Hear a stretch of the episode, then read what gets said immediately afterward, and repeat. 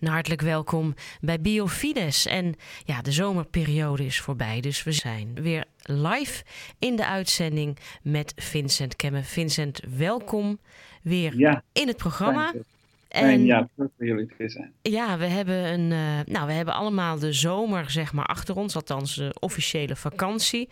Um, wisselend, denk ik, voor iedereen, met toch nog steeds ja, de paraplu van corona boven ons. En misschien hadden we de hoop dat we die achter ons hadden kunnen laten uh, in de zomervakantie. Maar dat is toch niet echt helemaal het geval. Het uh, gaat eigenlijk nog gewoon door. En dat is ook nog wel het onderwerp eh, van deze uitzending. Ja. Want je hebt je er, nou ja, goed, je komt het gewoon tegen natuurlijk, vanwege je vak. Ja, nou, dus de, de luisteraar weet, ik ben maar eigenlijk gewoon een bioloog die zich verdiept heeft in de relatie tussen ons biologisch bestaan en ons geloof. En dat ook meer theoretisch, maar ook ethisch. Dus wat is, uh, wat is verantwoord om te doen met ons biologisch bestaan. En de hele coronacrisis roept natuurlijk heel veel vragen op over hoe zoiets kan gebeuren en hoe we ermee om moeten gaan. En op allerlei niveaus, individueel en als samenleving. En dus ook vanuit ons geloof. En dat, uh, dat is wat ik uh, dan toch uh, wat in verdiend heb. Mede ook op grond van het verzoek van de website rkdocumenten.nl. Mm -hmm. Die je kennen. En ja. ik hoop de luisteraars ook, want het is een goudmijn. Om kerkelijke teksten in het Nederlands te lezen. ik zal nog even zeggen, rkdocumenten.nl voor hun reclame. En die vroegen mij eigenlijk van ja, de documenten van het Vaticaan over vaccinatie met name, want daar gaat de ethische discussie dan in, in een zekere mate over. Uh, of die, die was niet echt in Nederlands beschikbaar, dus ik heb me daarop gestort om ze niet alleen te lezen en te herlezen. Dat had ik alles gedaan, maar ook uh, ze in Nederlands beschikbaar te stellen op die website. Dus die kunnen online geraadpleegd worden. Dan moet men gewoon daar op de recente documenten klikken en dan is het op vandaag is het geloof ik de vierde of de vijfde die je gaat tegenkomen. Mm Dus daar zie je eigenlijk wat het Vaticaan, waar een Jans Paulus II in, eh, in de tijd een, een pauselijke academie voor het leven heeft opgericht, juist om medisch-ethische, bioethische uh, kwesties te onderzoeken op een academisch niveau. Mm En ook de vragen te beantwoord te krijgen over nieuwe ontwikkelingen in de samenleving waar een ethisch antwoord op zou moeten worden gegeven. Ja, ja. Dat, dat, heeft me ook geholpen om vandaag dit thema met jullie af te spreken, omdat ik er natuurlijk nu uh, lekker in zit, om het zo te zeggen. Ja. Maar ik gelijk, zeg er gelijk bij, ik ben, geen, uh, ik ben niet de paus, en dat wisten de luisteraars al. maar ik ben ook geen, uh, ik zeg niet dat ik alles daarvan weet, maar ik, heb, doe graag iedereen een voordeel mee wat datgene wat ik erover kan zeggen. Ja. En het gaat dus ook over de, de, ideeën, even breed gezegd, over vaccinatie in het algemeen. Want het gaat dus ver terug. Ja, het, is ja. Niet, ja, ja, het gaat niet zozeer alleen maar over nu. Nee, zeker niet. Nee, oké. Okay, ja. uh, er is in het uh, Digitas Persona, in een document uit de jaren zeg het goed 80, van, uh, is daar al over geschreven. En dan heeft in 2005 de Pauselijke Academie voor het Leven, dus die afdeling die ik net noemde, uh, heeft een, op vraag van een, een katholieke arts, uit de Verenigde Staten, een studie nog gemaakt van, uh, waar het ging over rode hond, het virus dat de rode hond veroorzaakt. Mm -hmm. Zeer besmettelijke ziekte die kinderen op moeders kunnen overdragen en op iedereen natuurlijk. Maar, en als die vrouwen zwanger zijn, kunnen dat dan vervolgens via de placenta overgedragen worden op het embryo. En dan, eh, dus als een, als een, als een zuigeling wordt geïnfecteerd met dat virus, dan gaat de 1 op de 2 wordt niet, echt, niet eens echt ziek. Ja. En degene die ziek worden, die overwinnen. Is niet echt een probleem. Maar het blijkt nu dat als uh, een foetus dat uh, oploopt in, de in de baarmoeder, dat het tot aangeboren zware afleidingen, afwijkingen kan leiden. Dus, uh, en dat was in die jaren in de Verenigde Staten, eens kijken, dat gaat toch wel wat langer geleden, was dat een, een grote epidemie ook, zou je kunnen zeggen, mm -hmm. met veel zwangerschappen die daardoor tot, tot abortussen ook gingen leiden. Ja, ja, ja, ja, ja. ja. Dat gehandicapte kinderen, vooral uh, staar, maar ook, ook allerlei neurale aandoeningen. En, dus ernstige afwijkingen. En dan krijg je natuurlijk dat een aantal mensen zegt, ja, dat, dat vinden we toch niet zo fijn. En dan leidt dat tot, ik weet niet hoeveel abortus. Ja, ja. Dat en dat is eigenlijk de aanleiding toen geweest? Nou, dat is toen een aanleiding geweest voor de Pauselijke Academie van Leven om een document uh, het licht te doen zien. En, dat, uh, en dan ook vast te stellen van, ja, welk, uh, welke, hoe komen die virussen tot stand? Of die, die, die vaccinaties tot stand? Want de vraag die daarachter zat was... Mm -hmm. Men zegt van, ja, er worden nu meer en meer vaccins ontwikkeld op basis van weefsel en cellijnen van geaborteerde kinderen. Uh, dus foetussen, embryo's, geaborteerde. dus een abortus, het, het, weefsel daarvan, dat wordt dan... Gebruikt om nieuwe vaccins te maken, ja. Ja, en dat heeft dan te maken met dat het een hele jonge menselijke cellen zijn die zich goed lenen voor dat soort onderzoek. Menselijke cellen sowieso, ook in verband met, met compatibiliteit met de, dus de patiënt die straks dat vaccin moet ontvangen. Ja. Maar dus daar zou, dat zou een voorkeur kunnen opleveren voor menselijk embryo's, maar ook jong, heel jong menselijk celmateriaal. Dus voor de geboorte. Ja, en als je het zeg maar heel uh, zwart-wit stelt, dan zouden wij als katholieken zeggen van ja, dat kan niet, want uh, een embryo, hè, dat zijn geaborteerde kinderen. Uh, ja. Daar kunnen wij ons niet ethisch niet verantwoorden hè, om, ja. om daar iets, nou ja, om daar iets van te gebruiken. Ja, voor dat soort doeleinden. Je mag niet een, iets goeds willen bereiken door een kwaad te verrichten. En een menselijke embryo, dat leren we, weet ik als bioloog, maar dat weet iedereen die goed even rustig nadenkt. Als je gaat, dat, dat is een mens, je kunt daar lang en kort over discussiëren. Ja, er is vroeger wel gezegd, ja, dat is een potentiële mens, maar de, de, antwoord op die vraag was nee, het is een mens met potentie. Ja. Dus het is een, hoe klein het ook nog is, zelfs in de vroegste stadia, kan er een discussie over zijn. En dan leert de kerk die gaat uit van de waardigheid van de menselijke persoon. En wanneer eh, spreek je van een persoon, op, als het kan rekenen en schrijven, of als het naar de universiteit gaat, of al eerder. Nou, eh, het idee van de kerk is dat je het uh, persoon zijn van een menselijk embryo moet respecteren vanaf de conceptie. Ook al kun je niet aan bewijzen dat dat klompje cellen al een iemand is, dat is moeilijk aan te tonen. Mm -hmm. Maar je hebt hem wel te behandelen als iemand. Want ja. jij en ik iedere luisteraar naar dit programma is zo'n klompje cellen geweest. Ja, ja. Ja, maar goed, ik neem aan dat uh, het idee over vaccinatie en hoe dat dan tot stand komt, daar zit dus veel meer aan vast. Ik bedoel, ik, heb het, ik zeg het in twee zinnen, maar het is natuurlijk veel ja. gecompliceerder. En daar weet jij inmiddels meer vanaf dus. Nou ja, dus het is evident dat je ook gaat, uh, dat je dan natuurlijk naar uh, alternatieven gaat kijken. Dus de vaccinaties, kunnen ook op andere manieren bereikt worden. En dus inderdaad met dierlijk op, op, dus testen op dierlijk weefsel en zo. Dus daar zijn wel alternatieven. Maar ja, dus als de farmaceutische industrie um, voordeel in ziet om menselijke embryonale cellen te gebruiken. En ze hebben niet het ethisch kader dat bijvoorbeeld de kerk heeft, dat christenen in het algemeen hebben dan uh, kan het dus gemakkelijk voorkomen dat ze, dat ze uh, kiezen voor embryonaal menselijk weefsel, wat, uh, ja, wat dus gotische ethisch bezwaar oplevert. En dus de media, de katholieke media, vooral in bioethische media, volgen dat nu op de voet.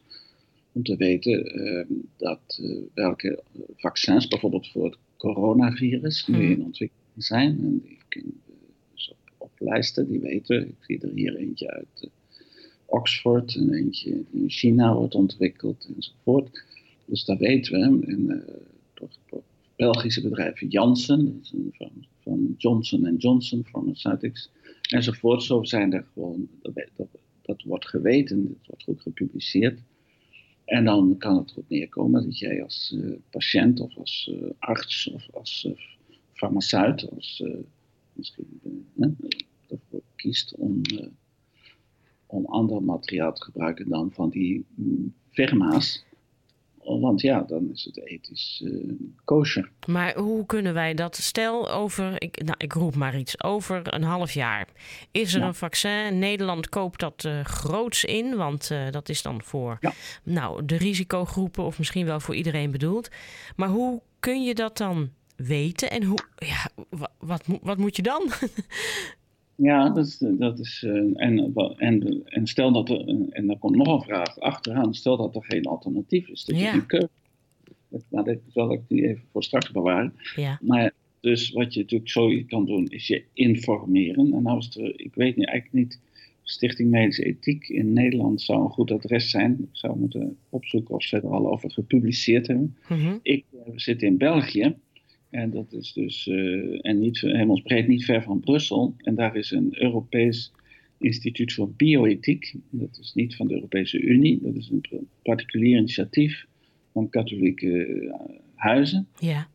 Uh, wat dit heel goed, en die hebben toevallig net een nieuwe medewerker die ook de Nederlandse taal goed beheerst. Ah, mooi. Door ze ook in het Nederlands gaan gaan uh, publiceren. En die, daar heb ik voor deze uitzending ook even gekeken, want die hebben dus al die data, die gegevens online staan. Uh, althans, dat proberen ze toch zo goed mogelijk op te volgen.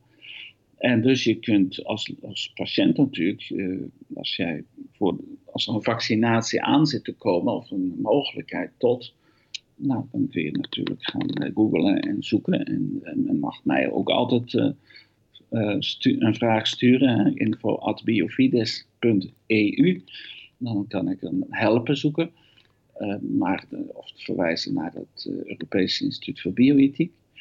En dan kun je dus nagaan of dat virus, of dat vaccin dat jou voorgesteld wordt, waar dat vandaan komt en hoe dat tot stand gekomen is. Je kunt daar met je huisarts natuurlijk over praten. Die man of vrouw zal misschien uit de lucht vallen dat je die vraag stelt, maar dat ligt eraan hoe die persoon mhm. in zijn uh, gelovige schoenen staat. en, uh, dat, en wat, die, wat voor informatie. Dat zal niet elke patiënt uh, die persoon vragen.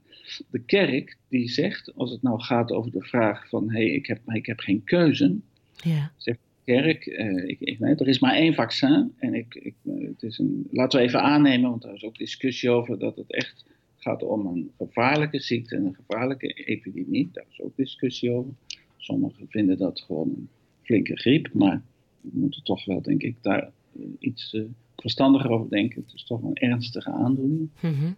dan, um, en je hebt geen keus, dan heeft dezelfde, diezelfde pauselijke academie van het leven al in uh, 2005 gezegd van ja, goed, als jij voor die keuze staat, neem nou rode hond dat zich verspreidt onder een klas kinderen en dan zijn daar moeders of aanstaande moeders die worden geïnfecteerd en die krijgen kinderen met handicaps, dan is er ook een morele plicht om de verspreiding van dat virus dat jouw kind misschien draagt, hè, potentieel zou kunnen dragen, om dat tegen te gaan. Je kunt niet zomaar als jij uh, een virus draagt, of het nu een coronavirus is of een rode hondvirus of gelijk wat, uh, zeggen van ja, dat is, uh, dat is mijn probleem en de mensen moeten er maar tegen kunnen als ze via mij geïnfecteerd worden. Nee, nee, nee dat is niet de houding die wij. Uh... Ja, is, past niet in een nee, nee, nee. levenshouding. Dus dat, ik las toevallig net nog iets van. de sociale leer van de kerk kijkt naar die dingen langs vier assen. De een is de waardigheid van de menselijke persoon, die hebben we net genoemd. Het embryo moet beschermd worden. De tweede is het algemeen belang. Dus uh, de gezondheid van de volksgezondheid. En dan is dat drie, de solidariteit. Dus bijvoorbeeld uh, ben ik een potentieel gevaar uh, in mijn, door van besmetting voor mijn buurman. En dan is er nog de subsidiariteit dat je zegt, we gaan proberen die problemen zoveel mogelijk op het terrein, zoals ze hier in Vlaanderen zeggen, op te lossen. De deskundigheid op het terrein. En niet te snel uh, van regeringswegen, zoals in China doen, maatregelen afkondigen. Mm -hmm. dat, is, maar dat is een ander politiek. Uh, ja, ja, ja, ja. Maar dus, de, dus de, de idee is dan dat als je geen keus hebt, dat je toch uh, zou, en de Pauselijke Academie van het Leven heeft dat in 2017 nog eens wat eerder, wat, ja, ik zou bijna zeggen wat verruimd Dat wil zeggen, nou, die vaccins die dan ontwikkeld zijn op basis van embryonaal materiaal door, na abortus.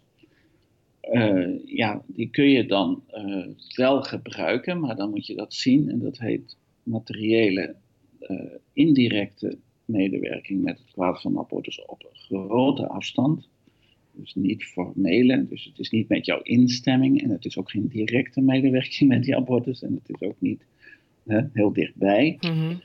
Je staat er niet bovenop. Nee, als je vandaag dan toch kiest in die afweging tussen zeg maar het ethisch uh, uh, gebruik maken van medicijnen aan de ene kant en aan de andere kant het vermijden van, van uh, de ziekte van jouw naaste, van je omgeving, van, mm-hmm. dan zou je volgens de laatste uitspraak van de kerk inderdaad toch in, met goed geweten die vaccins kunnen gebruiken ja. als je geen keuze hebt. liefst wel de bezwaar tegen maken bij je huisarts bij je, of, of, een, of, je, of de farmaceutische bedrijf aanschrijven van, uh, of actie ondernemen. Dat is natuurlijk, uh, als je dat zo weet, je kunt weten, dan. dan ja, ja, ja. Want Vincent, het is, het is toch ook zo, uh, niet, echt niet om het op een of andere manier goed te praten, maar um, het zeg maar kweken van die vaccins mede met of op basis van embryonaal materiaal. Het is niet zo dat er voor elke batch vaccins een nieuwe embryo. Ja, het klinkt heel luguber, maar, maar het gaat heel lang terug, hè? Dat er. Precies. Ja. Heel goed dat je die vraag stelt. Dus het gaat over. Voor het coronavirus, lees ik hier, is bijvoorbeeld een, een foetus neergebruikt genaamd HEC 293 afkomstig van een in 1972 in Nederland geboren foetus. En er zijn al vier bedrijven worden genoemd die dat, die, die, dat zijn cellijnen. Dus men gebruikt die cellen, maar men laat die doorkweken, zeg maar, door de, over de tijd. Ja. Uh, in uh, laboratoriumomstandigheden. En andere die gaat over een foetus van uh, netvliesweefsel van een foetus uit 1985, ook in Nederland. Ehm, toevallig Nederland, maar goed. Ja, het, klinkt bijna, het klinkt bijna een beetje ja, luguber, ik weet niet het andere woord. Maar het is wel goed om te weten. Fundamenteel luguber. Ja. Maar de, de Pauselijke Academie van het Leven heeft in 2017 een straffe uitspraak gedaan daarover. Dat is geen onfeilbaar pauselijk leergezag. Hè. Dat is een uitspraak van een studiecentrum van het Vaticaan. Die zegt dat uh, er geen morele relevante medewerking met abortus dus is tussen degene die deze vaccins nu gebruiken en de praktijk van die vrijwillig gepleegde ja, abortus. Ja, ja, ja, ja, ja. Omdat vanwege de enorme afstand. Dat is een standpunt dat, uh, dat bekritiseerd is in de, de, na 2017, maar dus het is het, het meest uh, belangrijke of duidelijke taal die we, en meest recente duidelijke taal van de kerk. Ja, ja, ja. Hey Vincent, we lopen alweer tegen het einde van het programma, zie ik. Ja, het gaat heel snel altijd. Maar eigenlijk wat jij nu ook verteld hebt, dat is in ieder geval uh, terug te vinden dus op rkdocumenten.nl. Die teksten die zijn op rkdocumenten.nl te, te vinden. Uh, heel recent geplaatst. Dus in de rubriek recente documenten is het uh, Kun je dat snel terugvinden, ja, ja. Er zijn er eigenlijk drie of twee, maar die van 2005 en 2017. En ik zal kijken of ik ook nog iets online zet.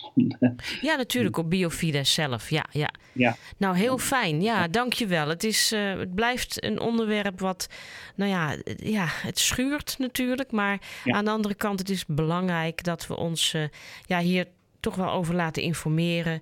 En laten we ook vooral blijven bidden natuurlijk. Hè, dat het misschien wel eens nodig is. Maar goed, het is goed om op deze manier ook wel uh, voorbereid te zijn. Dus uh, ik ga jou danken voor deze uitzending. En uh, over twee weken dan zijn we er gewoon weer met Biofides. Tot dan. dan. Ja, bedankt hè. Dag. Ja. U heeft geluisterd naar Biofides. En zoals ik al zei, over twee weken zijn we weer terug met de volgende uitzending. Nog een fijne dag. Dag.